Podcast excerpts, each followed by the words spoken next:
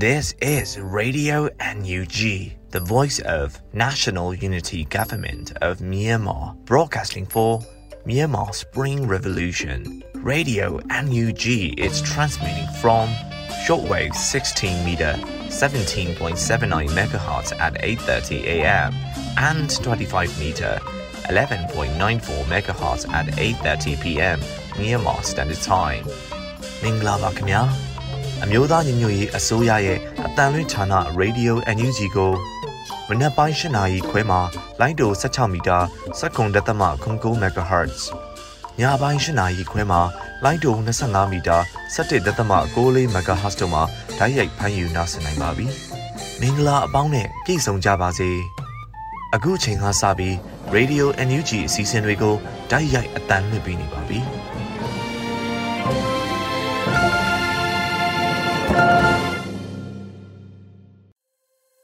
မြန်မာနိုင်ငံသူနိုင်ငံသားအပေါင်းတဘာဝပြီးဆေးဟာနာရှင်ပေးတို့ကနေကင်းဝေးပြီးကိုစိတ်နှစ်ပါးဘေးကင်းလုံခြုံကြပါစေလို့ရေဒီယိုညူးချီခွဲသားများကဆုတောင်းမြတ်တာပို့သလိုက်ရပါတယ်ရှင်။အခုချိန်ကစပြီးကာကွယ်ရေးဝန်ကြီးဌာနရဲ့စီရေးသတင်းချင်းချုပ်ကိုတော့ຫນွေဦးမှုမှဖတ်ကြားတင်ပြပေးပါတော့မယ်ရှင်။ မင်္ဂလာပါခင်ဗျာအမျိုးသားညီညွတ်ရေးအစိုးရကာကွယ်ရေးဝန်ကြီးဌာနမှထုတ်ဝေသောနေ့စဉ်စည်ရေးသတင်းအကျဉ်းချုပ်များကိုတင်ပြသွားပါမယ်။ယနေ့တနိုင်ငံလုံးအတိုင်းအတာအနေနဲ့စစ်ကောင်စီတပ်သားတေဆုံစုံစမ်းဆဲဖြစ်ပြီးစစ်ကောင်စီတပ်သားဒဏ်ရာရစုံစမ်းဆဲဖြစ်ပါတယ်ခင်ဗျာ။ပထမဆုံးအနေနဲ့စစ်ကောင်စီနဲ့တိုက်ပွဲဖြစ်ပွားမှုများကိုတင်ပြသွားပါမယ်။စကိုင်းတိုင်းတွင်ဒီဇင်ဘာလ14ရက်နေ့မနက်7:45မိနစ်ခန့်ကကမ်ဘလူးမြို့နယ်ဘေးကျေးရွာတောင်ဘက်ဒေတာအခေါ် စရပေါက်ကျေးရွာအနီးတွင်စစ်ကောင်စီတပ်သားများကိုပြည်သူ့ကာကွယ်ရေးတပ်မတော်ကမ်ဘလူခရိုင်တပ်ရင်း3ကမ်ဘလူမြို့နယ်ပကဖတို့ကမိုင်းဆွဲတိုက်ခတ်ခဲ့ပါတယ်ခင်ဗျာရန်ကုန်တိုင်းတွင်ဒီဇင်ဘာလ14ရက်နေ့ည9:36မိနစ်ခန့်ကတကုံမြို့တဲ့အရှိတ်ပိုင်းမြို့နယ်အမှတ်နှစ်လမ်းမကြီးနဲ့ကျန်ဆက်သာလမ်းစုံမိပွားတွင်စစ်ကောင်စီရှင်တန်းကို Generation Z Defense Force and Supply Army GZDF အဝေးထိန်ဘုံနှလုံးဖြင့်ဖောက်ခွဲတိုက်ခတ်ခဲ့ကြောင်းသိရပါတယ်ခင်ဗျာဆက်လက်ပြီးစစ်ကောင်စီကျွလွန်သောရာဇဝတ်မှုများကိုတင်ပြသွားပါမယ်ရန်ကုန်တိုင်းတွင်ဒီဇင်ဘာလ14ရက်နေ့ကမယန်းကုန်းမြို့နယ်6မိုင် Ocean Center တွင်လူငယ်2ဦးကိုစစ်ကောင်စီအဖွဲ့ဝင်များကဖမ်းဆီးခဲ့ပါတယ်ခင်ဗျာဟုတ်ကဲ့ပါအခုတင်ပြခဲ့တာကတော့အမျိုးသားညီညွတ်ရေးအစိုးရကာကွယ်ရေးဝန်ကြီးဌာနမှထုတ်ဝေသောနိုင်စဉ်စည်ရေးသတင်းအချင်းချုပ်များပဲဖြစ်ပါတယ်။ ဤသတင်းများကိုမြေပြင်သတင်းတာဝန်ခံတွေနဲ့ခိုင်လုံသောမိဘသတင်းရင်းမြစ်တွေမှာဖော်ပြလာသောအချက်အလက်များပေါ်အခြေခံပြုစုထားခြင်းဖြစ်ပါတယ်ခင်ဗျာကျွန်တော်ຫນွေဦးမိုးပါ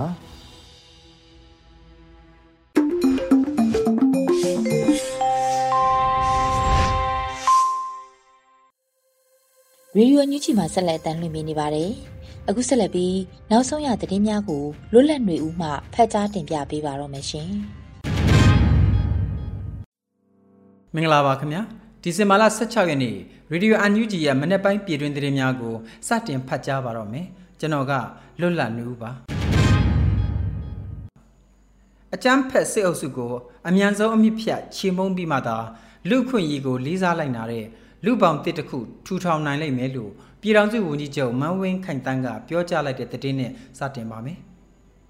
အကြံဖက်စေအုပ်စုကိုအမြန်ဆုံးအမြင့်ဖြတ်ချေမှုန်းပြီးမှသာလူခွင့်ရေးကိုလေးစားလိုက်နာတဲ့လူပေါင်းတစ်တခုထူထောင်နိုင်လိမ့်မယ်လို့ပြည်ထောင်စုဝန်ကြီးချုပ်မန်းဝင်းခိုင်တန်းကပြောကြားလိုက်ပါတယ်။ဒီဇင်ဘာလအတွင်းအစိုးရအဖွဲ့အစည်းအဝေးမှာဝန်ကြီးချုပ်ကအခုလိုပြောဆိုပါတယ်။အခုလက်ရှိအခြေအနေမှာဆိုရင်လည်းလူမဆန်လုံးတဲ့အကြမ်းဖက်စစ်အုပ်စုဟာပြည်သူလူထုအပေါ်ကိုနီလာမျိုးစုံနဲ့လူအခွင့်အရေးချိုးဖောက်မှုတွေကိုပြုလုပ်နေတာအားလုံးအသိပဲဖြစ်ပါတယ်။ ဒီလိုအကြမ်းဖက်စစ်အုပ်စုကိုအမြန်ဆုံးအမြင့်ဖြတ်ချေမှုန်းပြီးမှသာလူခွင့်ရေးကိုလေးစားလိုက်နာတဲ့လူလူချင်းညီညွတ်မျှတ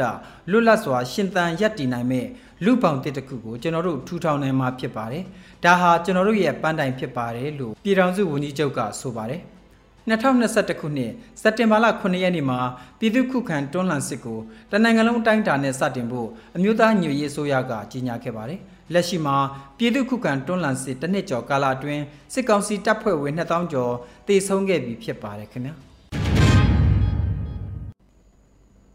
ဂျာကာလာဒေတန္တရပြည်သူ့အုပ်ချုပ်ရေးဖော်ဆောင်မှုဗဟိုကော်မတီအစည်းအဝေးတရက်ကိုဒီဇင်ဘာလ15ရက်နေ့ကကျင်းပခဲ့တယ်လို့သတင်းရရှိပါတယ်။အစည်းအဝေးတွင်ဂျာကာလာဒေသန္တရပြည်သူ့အုပ်ချုပ်ရေးဖော်ဆောင်မှုဗဟိုကော်မတီဥက္ကဋ္ဌပြည်ထောင်စုဝန်ကြီးချုပ်မန်းဝင်းခိုင်တမ်းမှအဖွင့်အမှားစကားပြောကြားရာတွင်တက်ရောက်လာကြသော ကော်မတီဝင်များကိုစိတ်နှပါကျမ်းမာစွာရှိကြပါစေကြောင်းကော်မတီတွင်ပါဝင်ကြတဲ့မူလဝန်ကြီးဌာနများနဲ့ထပ်တိုးဝန်ကြီးဌာနများနေဖြင့်စိုးမိုးဒေသများတွင်အုပ်ချုပ်ရေးရန်တရားများခိုင်မာအားကောင်းလာစေရေးအစွမ်းကုန်ဆောင်ရွက်နေမှုကိုဝမ်းမြောက်ဂုဏ်ယူပါကြောင်းတော်လန်ရေးကာလတွင်ကြုံတွေ့နေရတဲ့အခင်းကျင်းများသည်တာမန်ချီနေများနဲ့များစွာကွာခြားခြင်းများရှိမည်ဖြစ်ကြောင်းအခင်းကျင်းအစ်စ်ကိုကော်မတီမှပါဝင်ကြသည့်ဝန်ကြီးဌာန၏တာဝန်ရှိသူများကကိုစွမ်းညံစွမ်းများဖြင့်မုတ်ချကြော်လွှားနိုင်မယ်လို့ယုံကြည်ကြောင်းအမျိုးသားညွရေးဆိုရသည်တော်လန်ရေးအတွက်ပြည်သူလူထုကရေယုံကြည်ကြည်နဲ့ပေးအပ်ထားတဲ့အစိုးရတရားဖြစ်တဲ့နဲ့အညီဆောင်ရွက်ချက်များနဲ့ပြောဆိုမှုများသည်အစိုးရတရားနဲ့လျော်ညီစွာ ပြုမှုဆောင်ရွက်ကြရန်ဖြစ်ကြောင်းပြောဆိုခဲ့ပါတယ်။ဆက်လက်ပြီး တက်ရောက်လာကြသောဂျာကာလာဒေသန္တရပြည်သူ့အုပ်ချုပ်ရေးဖော်ဆောင်မှုဘိုးကော်မတီအဖွဲ့ဝင်များမှအမှတ်စဉ်40မြင်းဆောင်2022တွင်ချမှတ်ထားသောဆုံးဖြတ်ချက်များရှေ့လုပ်ငန်းစဉ်များနဲ့ပတ်သက်လို့ပြည်စည်းမှုအခြေအနေများနဲ့ဆက်လက်ဆောင်ရွက်ရန်ကြံရှိနေတဲ့လုပ်ငန်းစဉ်များကိုချပြရှင်းလင်းပြီးတက်ရောက်လာသောတာဝန်ရှိသူများမှအကြံတဝင့်ဆွေးနွေးခဲ့ကြပါတယ်။အစည်းအဝေးသို့ဂျာကာလာဒေသန္တရပြည်သူ့အုပ်ချုပ်ရေးဖော်ဆောင်မှုဗဟိုကော်မတီဥက္ကဋ္ဌ ပြည်ထောင်စုဝန်ကြီးချုပ်မန်းဝင်းခိုင်တန်ဦးဆောင်ကပြည်ထောင်စုဝန်ကြီးများဒုတိယဝန်ကြီးများအမြဲတမ်းအတွင်းဝန်များဌာနဆိုင်ရာများမှတာဝန်ရှိသူများတက်ရောက်ခဲ့ကြပါတယ်ခင်ဗျာပြည်ထောင်စုလွှတ်တော်ကိုစားပြုကော်မတီသည်လက်ရှိဆောင်ရွက်လျက်ရှိသည့်လုပ်ငန်းများနှင့်ဆက်လက်အကောင့်ထဲပေါ်ဆောင်ရွက်မည့်လုပ်ငန်းစဉ်များအားရှင်းလင်းတင်ပြခြင်းစီစဉ်ရဲ့ဒုတိယနေ့ဖြင့် ကရင်ပြည်နယ်ရှမ်းပြည်နယ်ရန်ကုန်တိုင်းဒေသကြီးနဲ့အေရဝတီတိုင်းဒေသကြီးတို့မှပြည်ထောင်စုလွှတ်တော်ကိုယ်စားလှယ်များအား2022ခုနှစ်ဒီဇင်ဘာလ15ရက်နေ့နနက်9:30မိနစ်တွင်ဗီဒီယိုကွန်ဖရင့်မှတဆင့်ဖိတ်ခေါ်တွေ့ဆုံ၍ရှင်းလင်းတင်ပြခဲ့ကြပါတယ်။တွေ့ဆုံဆွေးနွေးပွဲတွင် CRPH ရဲ့လက်ရှိဆောင်ရွက်လျက်ရှိတဲ့လုပ်ငန်းများနဲ့ဆက်လက်အကောင့်ထဲပေါ်ဆောင်ရွက်မြတ်လုပ်ငန်းစဉ်များပေါ်ဆွေးနွေးခဲ့ကြရမှာ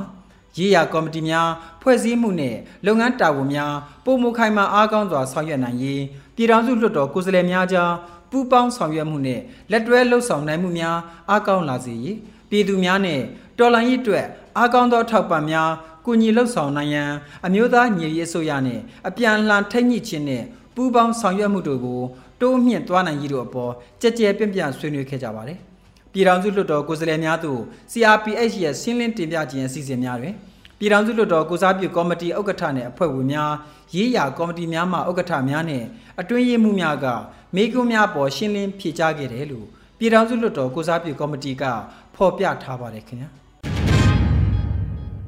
စစ်ကောင်စီဟာမျက်နှာဖုံးမှန်သမျှကွာကြနေပြီလို့ပြည်ထောင်စုဝန်ကြီးဒေါက်တာဝင်းမြတ်အေးကပြောကြားလိုက်ပါတယ် ဒီဇင်ဘာလအတွင်းမှာပြည်ထောင်စုဝန်ကြီးဒေါက်တာဝင်းမြတ်အေးကဆိုထားပါတယ်မျက်နှာဖုံးမှန်သမျှကွာကြနေပြီကန်းစီအောင်အမှောင်ချကွယ်ထားခဲ့သမျှတွေပြည်သူကစတိပြမြင်နေရပြီလို့ဝန်ကြီးကဆိုထားပါတယ်2021ခုနှစ်ဖေဖော်ဝါရီလ1ရက်နေ့မှာစစ်တပ်က2020ရွေးကောက်ပွဲကိုအကြောင်းပြကာနိုင်ငံတော်အာဏာကိုသိမ်းယူခဲ့ပါတယ် လက်ရှိစစ်အာဏာရှင်စနစ်ဆန့်ကျင်ရေးလှုပ်ရှားမှုမှန်သမျှကိုဖမ်းဆီးအကျဉ်းချရုံသာမကအယက်သားပြည်သူများကိုလည်းနယ်မြို့များမှာပြစ်ခတ်တပ်ဖြတ်လျက်ရှိပါတယ်ခင်ဗျာ UNG နဲ့အလှရှင်ပြည်သူများစုပေါင်း၍စစ်ပေးရှောင်ဒေသရှိအမှန်တကယ်လိုအပ်နေသောအမျိုးသမီးများအတွက်တကိုယ်ကြီးအသုံးဆောင်ပစ္စည်းအိတ်ပေါင်း280ကျော်နဲ့အိမ်တောင်စု350ကျော်အတွက်ဆန်အိတ်များကိုထောက်ပံ့ပေးနိုင်ခဲ့ပါတယ်။ ဒီဇင်ဘာလ15ရက်နေ့မှာ UNG အမျိုးသမီးလူငယ်နဲ့ကလေးသူငယ်ရေးရာဝန်ကြီးဌာနမှအဆိုပါသတင်းကိုအသိပေးဖော်ပြထားပါတယ်။အမျိုးသမီးလူငယ်နဲ့ကလေးသူငယ်ရေးရာဝန်ကြီးဌာနမှဦးဆောင်၍အလူရှင်များရဲ့ကူညီထောက်ပံ့မှုနဲ့စစ်ပေးရှောင်ဒေသများသို့တွားရောက်ကာကုညီထောက်ပံ့မှုများကိုဆောင်ရွက်ပေးနိုင်ခဲ့ပါတယ်။ စစ်ပေးရှောင်ဒေသရှိအမှန်တကယ်လိုအပ်နေသောအမျိုးသမီးများအတွက်တကိုယ်ရီအသုံးဆောင်ပစ္စည်းအိတ်280ကျော်နဲ့အိမ်တောင်စု350ကျော်အတွက်ဆန်အိတ်များကိုထောက်ပံ့ပေးနိုင်ခဲ့ပါတယ်လို့ဆိုပါတယ်။အဆိုပါကုညီထောက်ပံ့မှုများကိုဖြစ်မြောက်အောင်ပံ့ပိုးကူညီပေးပါသောအလူရှင်များနဲ့ပြည်သူများလက်ဝဲသို့ရောက်ရှိအောင်ကူညီဆောင်ရွက်ပေးသူများအားလုံးကိုမှတ်တမ်းတင်ဂုဏ်ယူကြောင်းဖော်ပြထားပါတယ်ခင်ဗျာ။ပြည်သူကျိန်စာစူးလီလီ ဖက်စစ်စစ်တပ်အတွက်အရှုံးနွန်နစ်လီလီဖြစ်နေပြီလို့88မျိုးဆက်ចောင်းသားကောင်းဆောင်ဦးမင်းကိုနိုင်ကပြောကြားလိုက်ပါတယ်။ဒီဇင်ဘာလ15ရက်နေ့မှာဦးမင်းကိုနိုင်ကအခုလိုအသိပေးပြောဆိုထားပါတယ်။ဒီရက်တွေတည်းပဲပြန်ကြည့်ရအောင်တိုက်ပွဲဝင်မဟာမိတ်တွေကြား AA ပြီးတော့ MNDAA စကားမှမဆုံးသေးအခုလက်တလောပြည်သူတွေကချစ်စနိုးနာမည်လှလှပေးထားတဲ့ TNLA နယ်မြေမှာအပြန်တင်မိတဲ့စစ်ကောင်စီရဟတ်ရင်၃စီး ထိမှန်အတောင်ကျိုးငှက်အခုများမပြန်နိုင်ဖြစ်ပုံတွေဟာပြည်သူကျိန်စာစူးလေလေဖက်စစ်စစ်တပ်အတွက်အရှုံးနွန်နစ်လေလေပါပဲလို့ဆိုပါတယ်။ဒါအပြင်စစ်ကောင်စီတပ်ဖွဲ့ဝင်များရှေ့တန်းကိုသွေးပြတ်နေပြီဖြစ်ကစစ်ကောင်စီအနေနဲ့လည်းစစ်မျက်နှာပြင်ကိုများစွာဖွင့်ထားရတယ်လို့ထပ်လောင်းပြောဆိုထားပါတယ်ခင်ဗျာ။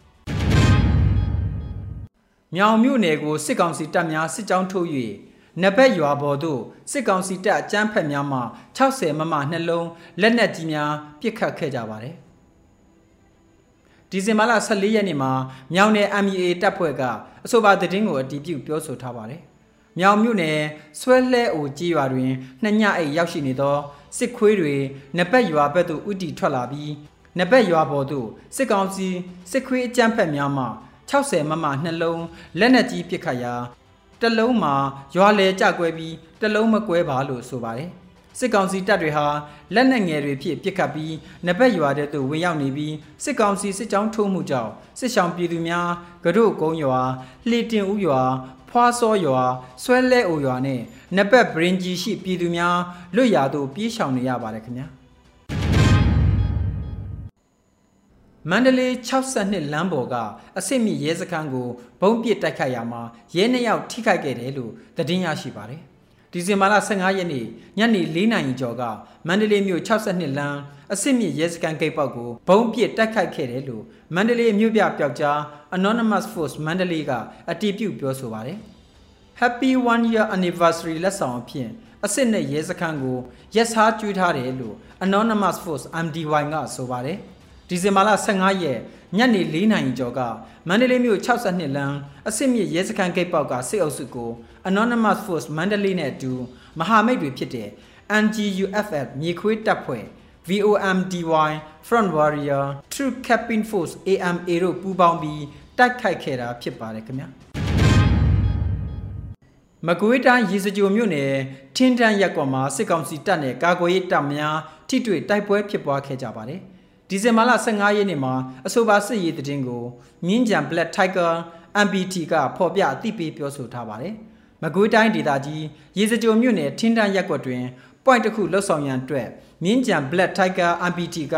ညီနောင်မဟာမိတ်များမှလူစု၍အနားယူနေစဉ်စစ်ကောင်စီလက်အောက်ခံပြူဒလာများတည်င်းပေးတိုင်ကြားတာကြောင့်အပြန်လန်ပစ်ခတ်မှုများဖြစ်ပေါ်ခဲ့ပါတယ်။စစ်ကောင်စီဘက်မှပြည်သူတူအားလူသားဒိုင်းကာအဖြစ်ဖမ်းဆီးခေါ်ဆောင်လာသောကြောင့်ကျွန်တော်တို့မြင်းကြံ Black Tiger MPT နဲ့ညီနောင်မဟာမိတ်များမှပြန်လည်ဆုတ်ခွာပေးခဲ့ရတယ်လို့ဆိုပါတယ်စစ်ကောင်စီတပ်မှပဆောက်ပုံတရန်စစ်ရေးဗျူဟာအသုံးပြု၍ညီနောင်မဟာမိတ်တပ်ပေါင်းစုအားပိတ်ဆို့ပစ်ခတ်ခဲ့ရာညီနောင်မဟာမိတ်တပ်ပေါင်းစုများမှလည်းပြန်လည်ခုခံစစ်ပြုလုပ်၍တိုက်ခတ်ခဲ့ရာစစ်ကောင်စီဘက်မှ၄ဦးသေဆုံးပြီး9ဦးထိခိုက်ဒဏ်ရာရကာပြန်လည်ဆုတ်ခွာထွက်ပြေးခဲ့တယ်လို့ဖော်ပြထားပါတယ်အဆိုပါတိုက်ခိုက်မှုတွင်မြင်းကြံ Black Tiger MBT နဲ့အတူ ညီနောင်မဟာမိတ်များဖြစ်သော Urban Underground Revolution Force UURF YSO Blackwood PDF MDY ခုတောင်းနီပျောက်ကြားတပ်ဖွဲ့ VOMDY Front Warrior The Volume of Yemen စသည့်ညီနောင်မဟာမိတ်တပ်ပေါင်းစုများမှပူးပေါင်းခုခံတိုက်ခိုက်ခဲ့တယ်လို့သိရှိရပါတယ်ခင်ဗျာယခုတင်ပြပေးခဲ့တဲ့သတင်းတွေကို Radio UNG သတင်းတောင်မင်းမင်းကပေးပို့ထားတာဖြစ်ပါတယ်ခင်ဗျာ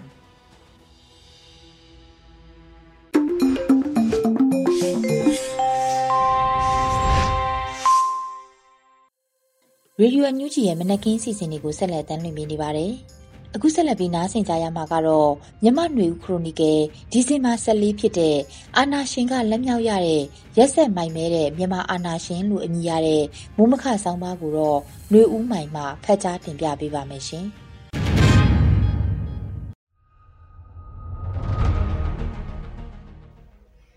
အာနာရှင်လက်ကလက်မြောက်ရတဲ့ရက်ဆက်မိုက်မဲတဲ့မြန်မာအာနာရှင်ဆိုတဲ့မြန်မာနွေဦးခရိုနီကယ်ဒီဇင်ဘာ14မြင်ကွင်းကိုဖတ်ကြားပေးပါမယ်။အခုရက်ပိုင်းတွင်ဘယ်ဂျီယမ်နိုင်ငံဘရက်ဆဲလ်ကိုရောက်နေတဲ့ကမ္ဘောဒီးယားဝန်ကြီးချုပ်ဟွန်ဆိုင်ရဲ့မြန်မာနိုင်ငံရဲ့အချက်တေးကနောက်ထပ်9နှစ်ကြာမြင့်နိုင်တယ်ဆိုတဲ့မှတ်ချက်စကားကမြန်မာနိုင်ငံရေးပြဿနာခက်ခဲမှုကိုအချိန်ကာလနဲ့ခံမှန်းချက်နဲ့ပထမဆုံးပြောဆိုချက်တစ်ခုဖြစ်ပါလိမ့်မယ်။ မြန်မာနိုင်ငံကနိုင်ငံရေးအဖွဲ့အစည်းတွေအတွက်တော့အခုလိုမှတ်ချက်ကနဝင်ကောင်းမဲ့မှတ်ချက်တစ်ခုမဟုတ်ပါဘူး။တစ်နှစ်တွင်အနိုင်ရဖို့နှစ်နှစ်တွင်အနိုင်ရဖို့လုံးပန်းနေကြတဲ့ NUG ရဲ့ PDF တပ်ဖွဲ့တွေအနေနဲ့အခုလိုခံမှန်းပြောဆိုချက်ကမြန်မာပြည်တွင်းကအင်အားအခြေအနေကိုဟွန်ဆန်တေတေချာချာနားလည်မသိလို့ပြောတာလို့ယူဆလိုက်မှဖြစ်ပါတယ်။ဆယ်စုနှစ်ရဲ့ရှေးကြစွာလက်နက်ကင်တိုက်ခိုက်ခဲ့တဲ့တိုင်းသားလက်နက်ကင်အဖွဲ့တွေအနေနဲ့တော့မနှစ်ကမှဖွဲ့စည်းခဲ့တဲ့ NUG ရဲ့ PDF တွေလောက်မနေ့ပြန်တဲ့ဘက်ကနိုင်မဲဆိုတဲ့မျောလင့်ချက်မျိုးမထားတာကြောင့်ခုလိုမှန်းဆချက်ကိုစိတ်ထဲခံစားချက်ရှိကြမယ်မထင်ပါသူတို့အတွက်ပြေမမှာတက်လာတဲ့ဖဆပလအစိုးရဆိုရှယ်လက်အစိုးရအရေးချုံထားတဲ့စစ်အစိုးရနောက်တစ်ဖန်စစ်အစိုးရနဲ့2010မှာစစ်ဗိုလ်ချုပ်တွေပါတီထောင်ပြီးရွေးကောက်ပွဲလုပ်ကမင်းအနိုင်ရတဲ့အစိုးရတွေနဲ့အဆက်ဆက်လက်နက်ကင်တိုက်ခိုက်ခဲ့ကြရတာမို့လို့ ခုလို9နှစ်ကြာမဲဆိုတဲ့ခမှန်းချက်ဟာအော်စရာမကောင်းဘူးလို့ခန်းစားကြရလိမ့်မယ်ထင်မိပါတယ်။ဟွန်ဆာဟာလည်းဒီမိုကရေစီအစိုးရတရတော့မဟုတ်သလိုစစ်အာဏာထက်တပါတီစနစ်တပွဲအတိုက်အခံတွေကိုနည်းအမျိုးမျိုးနဲ့ပြည်ပနှင်ထုတ်တန်းနှင်ထုတ်ဖမ်းတင်တန်းဖမ်းပြီးရွေးကောက်ပွဲအစစ်စစ်နဲ့အာဏာတည်မြဲအောင်လှုပ်ဆောင်ခဲ့သူတဦးဖြစ်တယ်လို့ခမာနီအုပ်ချုပ်တဲ့ခေတ်ကာလ၄၅နှစ်အတွင်းကြားရသူတွေမယုံနိုင်လောက်အောင် အစုလိုက်အပြုံလိုက်တပ်ဖြတ်မှုတွေလုပ်ခဲ့တဲ့ပိုပေါ်အာနာရှင်ကိုဗီယက်နမ်အကူအညီနဲ့ဖြုတ်ချရမှာခေါင်းဆောင်အဖြစ်ပါဝင်ခဲ့သူဖြစ်လို့တိုင်းပြည်ကိုအယူစုတောင်းလို့ပုံအောင်လုပ်ခဲ့တဲ့အာနာရှင်ကိုဖြုတ်ချပြီးရွေးကောက်ခံစနစ်နဲ့အာနာရှင်တပိုင်းအုပ်ချုပ်သူဖြစ်လို့သူ့ရဲ့အတွေ့အကြုံကနိုင်ငံရေးညစ်ပတ်မှုရစ်ဆက်မှုတွေကိုအတွင်းကြကြသိရှိသူတခါတရံမှာကိုယ်တိုင်ကျင့်သုံးဖူးလို့နားလည်နေသူလည်းဖြစ်ပါတယ်။ဟွန်ဆန်ကိုနိုင်ကမြန်မာစစ်ကောင်းဆောင်တွေဟာ တိုင်းပြည်6ထဲကျနေလဲနဲ့ဆက်ပြီးမိုက်မဲနေသူတွေတပွဲယူဆနေတဲ့သဘောကိုသူ့ရဲ့ပြောစကားတွေမှာတွေ့နေရတာလည်းဖြစ်ပါတယ်။မြန်မာနိုင်ငံရေးကိစ္စကိုကာယကံရှင်အဖွဲ့အစည်းတွေကိုနိုင်ကစိတ်မပူကြရင်လည်းမတက်နိုင်ဘူးဆိုတော့အတိတ်ပဲတက်ရောက်တဲ့မှတ်ချက်ကိုနေ့လယ်ပိုင်းလောက်ကသူပြောဆိုခဲ့တာဖြစ်ပါတယ်။ဒီပြောဆိုချက်မှတ်ချက်ဟာဟွန်ဆန်လိုအာနာရှင်တယောက်ကမြန်မာနိုင်ငံကရက်ဆက်မိုက်မဲတဲ့အာနာရှင်တွေကိုစိတ်ကုံတဲ့သဘောမျိုး လက်မြောက်တဲ့သဘောမျိုးပြောဆိုလိုက်တာလည်းဖြစ်ပါတယ်။ဟွန်ဆန်အနေနဲ့ကမ္ဘောဒီးယားနိုင်ငံဝန်ကြီးချုပ်အနေနဲ့အာနာမြဲအောင်အတိုက်ခံခေါင်းဆောင်တွေကိုရွေးကောက်ပွဲမတိုင်ခင်မနေနိုင်အောင်လုပ်ပြီးတချို့ခေါင်းဆောင်တွေပြည်ပကိုတင်းရှောင်သွားကြတာမျိုးတွေဖြစ်လာတဲ့အခါဟွန်ဆန်ကအဲ့ဒီအခြေအနေကိုအသာစီးယူပြီးရွေးကောက်ပွဲမှာမနိုင်မဖြစ်နိုင်အောင်နီလာအမျိုးမျိုးသုံးပြီးအာဏာစစ်ထိန်ဖို့လုပ်လက်ရှိပါတယ်။ရွေးကောက်ပွဲမတိုင်ခင်မှာအတိုက်ခံလုပ်တဲ့ပါတီ နိုင်ငံရေးသမားတွေကိုစောင့်ကြည့်တာမျိုးဖိနှိပ်ထုတ်ချေတာအတိုက်ခံပါတီပုဂ္ဂိုလ်တွေရဲ့နိုင်ငံရေးလှုပ်ရှားမှုတွေကိုတင်ဆက်ကြတဲ့ရေဒီယိုသတင်းဌာနတွေသတင်းစာတွေရဲ့သတင်းထောက်တွေကိုဖမ်းဆီးတာသတင်းဌာနကိုလိုင်စင်သိမ်းတာတွေလုပ်လက်ရှိပါတယ်။ကမ္ဘောဒီးယားနိုင်ငံကသတင်းသမားတွေကအဲ့လိုအခြေအနေတွေကိုအကြိမ်ကြိမ်ကြုံခဲ့ကြဘူးလို့ရိုးနေပြီလို့တောင်ပြောရမလို့ဖြစ်ပါတယ်။လက်တွေ့မြန်မာနိုင်ငံရဲ့အခြေအနေကိုပြောရရင်တော့မြန်မာနိုင်ငံရဲ့အကျက်တီဟာ လက်နက်ကင်တိုက်ပွဲတွေအနေနဲ့ဖြစ်ပွားနေကြတာဖြစ်လို့တိုက်ခိုက်မှုရစဲရေးနိုင်ငံရေးအရာဖြေရှာရေးဆိုတာစစ်ကောင်စီကမလိုလားသလို NUG နဲ့ PDF လက်နက်ကင်အဖွဲ့အစည်းတွေကလည်းတွေးကြွေးမှဆွေးနွေးစရာမရှိဆိုတဲ့အဆောင်ပုံနဲ့ငိမ့်ချရင်ဆွေးနွေးမှုအပြစ်ရဲ့ဆွေးနွေးမှုတွေကိုမလိုလားကြတဲ့အနေအထားဖြစ်ပါတယ်။လက်နက်ကင်တိုက်ပွဲတွေရဲ့တဘာဝအရနှစ်ကာလတစ်ခုကြာမြင့်နိုင်တဲ့အနေအထားဖြစ်လို့စစ်ကောင်စီစစ်အာဏာရှင်စနစ်ကိုဖြုတ်ချမဲ့ NUG PDF တို့အနေနဲ့ရေရှည်မဟာဗျူဟာရှိထားရမယ့်အနေအထားလေးဖြစ်ပါတယ်။အောင်ပွဲကမနေ့ပြန်တက်ပက်ခါဆိုတဲ့ခမှန်ချက်ထက်ကိုရေရှည်မှာတက်လုံကောင်းမဲ့ဗျူဟာပြင်ဆင်မှုနဲ့စီးရုံးမှုတွေပေါ်အခြေခံထားဖို့လိုအပ်လိမ့်မှာဖြစ်ပါတယ်ရှင်။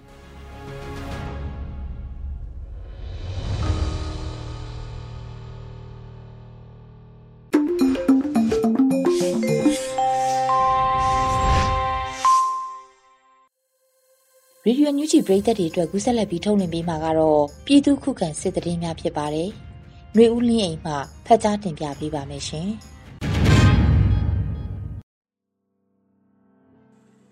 ပထမဆုံးအနေနဲ့ကျန်စစ်သားမီးပွိုင်မှာကင်းလှည့်နေတဲ့စစ်ကားမိုင်းဆွဲတိုက်ခိုက်မှုမှာစစ်သားတချို့ထိခိုက်ဒဏ်ရာရတဲ့တဲ့ရင်ကိုတင်ဆက်ပေးပါမယ်။ ရန်ကုန်မြို့အရှိတကုံမြို့နယ်အမှတ်နှစ်လမ်းမကြီးနဲ့ကျန်စစ်သားလမ်းဆောင်မီးပွိုင်မှာဒီဇင်ဘာလ14ရက်နေ့ည9:36မိနစ်ကကင်းလှည့်နေတဲ့စစ်ကားကိုမိုင်းဆွဲတိုက်ခိုက်ခဲ့ကြောင်းရန်ကုန် UG Association ကထုတ်ပြန်ထားတာပါ။အဆိုပါတိုက်ခိုက်မှုမှာအကြမ်းဖက်စစ်ကောင်စီတပ်သားတချို့ထိခိုက်ဒဏ်ရာရရှိခဲ့ကြောင်းဖောက်ခွဲတိုက်ခိုက်မှုလှုပ်ဆောင်ခဲ့တဲ့ပြည်သူ့ကာကွယ်ရေးရဲဘော်တွေအထိခိုက်မရှိပြန်လည်ဆုတ်ခွာနိုင်ခဲ့ကြောင်းသိရပါဗျ။ ဆက်လက်တင်ဆက်ပေးမှာကတော့နမောက်မှာစစ်ရင်နဲ့မိုင်းဆွဲတိုက်ခိုက်ခံရတဲ့တဲ့မှာမကွေးတိုင်းနမောက်မြို့နယ်မှာမနေ့ကမနက်ပိုင်းကစစ်ရင်နန်းကို PDF မဟာမိတ်တပ်တွေကမိုင်းဆွဲတိုက်ခိုက်ရာ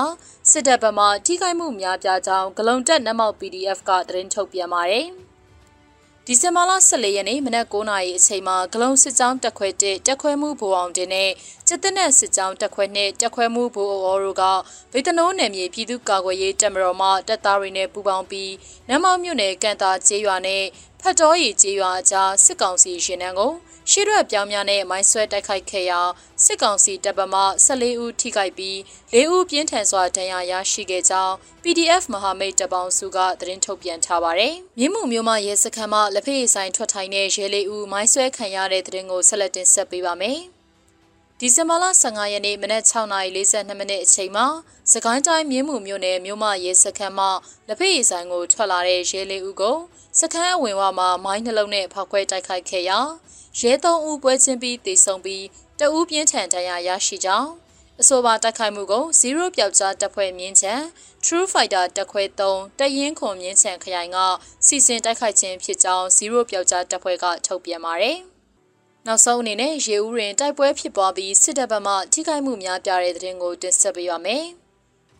စကိုင်းတိုင်းရေဦးမြို့နယ်ရေဦးမြောင်းမတော်ရေလွဲအနီးတိုက်ပွဲမှာအကြမ်းဖက်စစ်သားအများအပြားတိုက်ဆုံပြီးလက်နက်ခဲယမ်းများတင်ဆက်ရရှိခဲ့ကြောင်းရေဦး Freedom Comrades YFC ကဆိုပါရယ်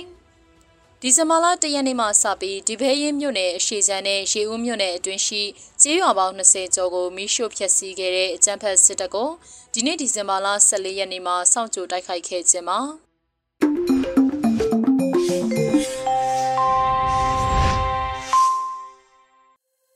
ရေဒီယိုအန်ယူဂျီရဲ့မနက်ခင်းစီစဉ်တွေကိုဆက်လက်တင်ပြနေပါတယ်။ဒီနေ့ရဲ့တော်လှန်ရေးတိဂီတာစီစဉ်မှာတော့ Skywine ခိတဒူပိုင်းရဲ့ဒါနောက်ဆုံးတိုက်ပွဲလို့အမည်ရတဲ့တော်လှန်ရေးတိဂီတာကိုနားဆင်ကြရတော့မှာဖြစ်ပါတယ်ရှင်။။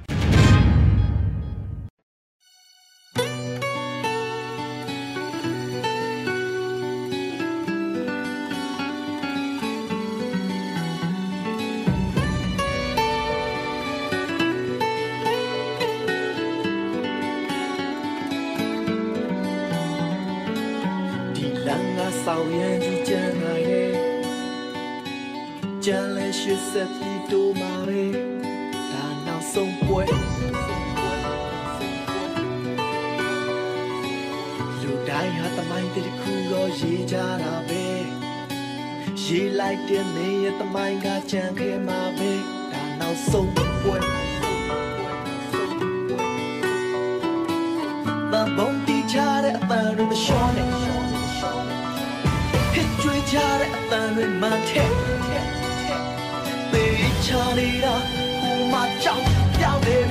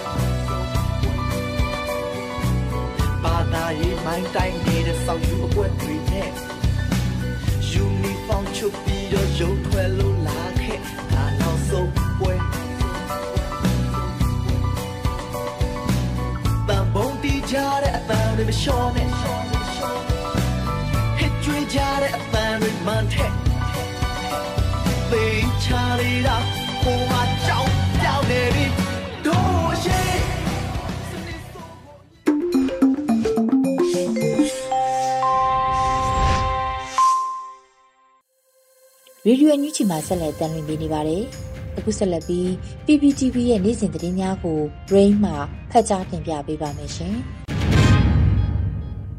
အခုချိန်ကစပြီး PPTV သတင်းတွေကိုတင်ဆက်ပေးတော့မှာပါကျွန်မရိ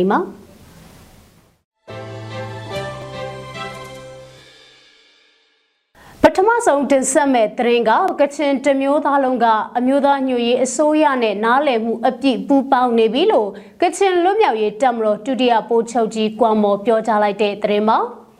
မျိုးသားညွရေးအစိုးရနဲ့ပူးပေါင်းဆောင်ရွက်မှုတွေဟာရုံရုံကြည်ကြည်နဲ့အားကောင်းကောင်းရှိနေပြီးကချင်လွတ်လပ်ရေးအဖွဲ့ချုပ် KIO တာမကကချင်တမျိုးသားလုံးကပြည်ထောင်စုလွှတ်တော်ကိုစားပြုကော်မတီ CRPH အမျိုးသားညွရေးအစိုးရ NUG တို့နဲ့နားလည်မှုအပြည့်ပူးပေါင်းနေပြီဖြစ်တယ်လို့ကချင်လွတ်မြောက်ရေးတပ်မတော်ဒုတိယပိုချုပ်ကြီးကွမ်မော်က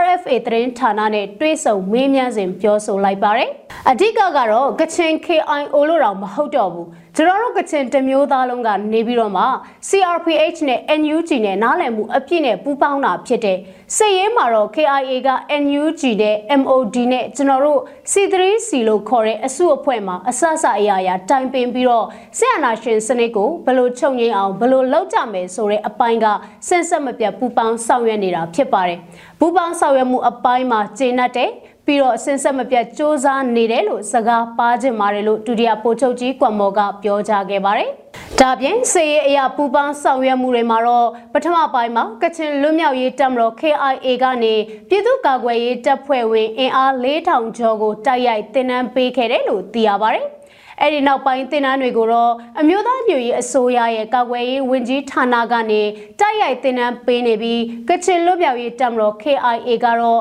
မုံမှန်တင်နန်းတွေနဲ့အခြားအထူးလေ့ကျင့်ပေးရမယ့်တင်နန်းတွေပူးပေါင်းဆောင်ရွက်မှုလှုံ့ဆော်နေတယ်လို့ပြောပါတယ်။ဒါပြင်အကြမ်းဖက်စစ်ကောင်စီတပ်ဖွဲ့တွေရဲ့အင်အားနဲ့စွမ်းရည်ဟာနှစ်ခုစလုံးချိနေနေတာဖြစ်ပြီးရေရှည်ရပ်တည်နိုင်တော့မှာမဟုတ်ဘူးလို့သုံးသပ်လိုက်ပါတယ်။ တစ်ဖက်မှာတော့လူငယ်တော်လှန်ရေးသမားတွေဟာအလွန်ရဲရင်ပြီးစုံပြတ်ချက်ခိုင်မာတာကြောင့်တော်လှန်ရေးမှုချအောင်မြင်မှာဖြစ်တယ်လို့ပြောခဲ့ပါတယ်။လက်ရှိမှာတော့ကိုယ့်ရဲ့အင်အားကြီးလာအောင်လုပ်ရမှာဖြစ်သလိုအပြန်အလှန်နားလည်မှုတွေတိဆောက်ပြီးတော်လှန်ရေးကာလမှာအချင်းချင်းအပုတ်ချအပြစ်တင်မှုတွေကိုရှောင်ရှားဖို့လိုအပ်တယ်လို့ဒုတိယဗိုလ်ချုပ်ကြီးကွမ်မော်ကဆက်ပြီးပြောပါတယ်။ ຫນွေဦးတော်လိုင်းရေးမှာပေးဆက်သူအလုံးကိုကျေးဇူးတင်ပြီးတော်လိုင်းရေးဟာမှန်ကန်တဲ့လမ်းကြောင်းပေါ်ကိုရောက်ရှိနေပြီဖြစ်လို့ဒီတော်လိုင်းရေးအောင်မြင်မယ်လို့အပြည့်အဝယုံကြည်တယ်လို့ပြောဆိုလိုက်ပါတယ်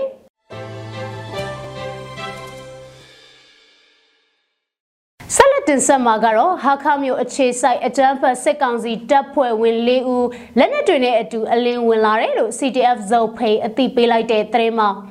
ချင်းပြည်နယ်ဟာခမြို့အခြေဆိုင်အကြမ်းဖက်စစ်ကောင်စီတပ်ရင်းခလာရ266ကစစ်သား3ဦးနဲ့ဟာခမြို့မှာရဲစခန်းကရဲတပ်ဖွဲ့ဝင်2ဦးတို့လက်နက်တွေနဲ့အတူအလင်းဝင်လာတယ်လို့ CTF ဇုံဖေကသတင်းထုတ်ပြန်ပါတယ်။ လက်နဲ့စစ်အုံဆောင်ပစ္စည်းများကြီးများနဲ့အတူအလင်းဝင်လာတဲ့စစ်သားနဲ့ရဲတွေကိုချင်းမြင့်ငွေများပေးအပ်ပြီးလုံခြုံရာကိုကောင်းမွန်စွာပို့ဆောင်ထားတယ်လို့ဆိုပါတယ်။အကြမ်းဖက်စစ်တပ်ရဲ့ခလာရ266တပ်ရင်မှတပ်သားစင်ကိုထက်အောင်ဖြိုးမင်းနဲ့တက်နိုင်ထွန်းတို့ဟာယခုနှစ်စက်တင်ဘာလမှာတနန်နှစ်လက်လက်ပစ်ပုံ3ခုဂျေဇန်900ကျော်ယူဆောင်ကအလင်းဝင်လာခြင်းဖြစ်လို့စက်သိန်း150ပေးအပ်ခဲ့ကြောင်းဖော်ပြထားပါတယ်။ အကြံဖတ်စစ်ကောင်စီရဲ့ဟာခါမျိုးမှရဲစခန်းမှရဲတပ်သားအောင်ထန်းဟာကြည်သရီတနတ်တလဲကြီးစံ130ကျော်ကြီးကတစုံအခြားရဲ့အသုံးဆောင်ပစ္စည်းများနဲ့အတူယခုနှစ်နိုဝင်ဘာလ15ရက်မှာအလင်းဝင်လာတာဖြစ်ပြီးသူကိုစက်သိန်း80ပေးအပ်ခဲ့တယ်လို့ထုတ်ပြန်ထားပါတယ်။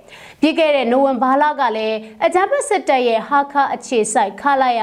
266တပ်ရင်က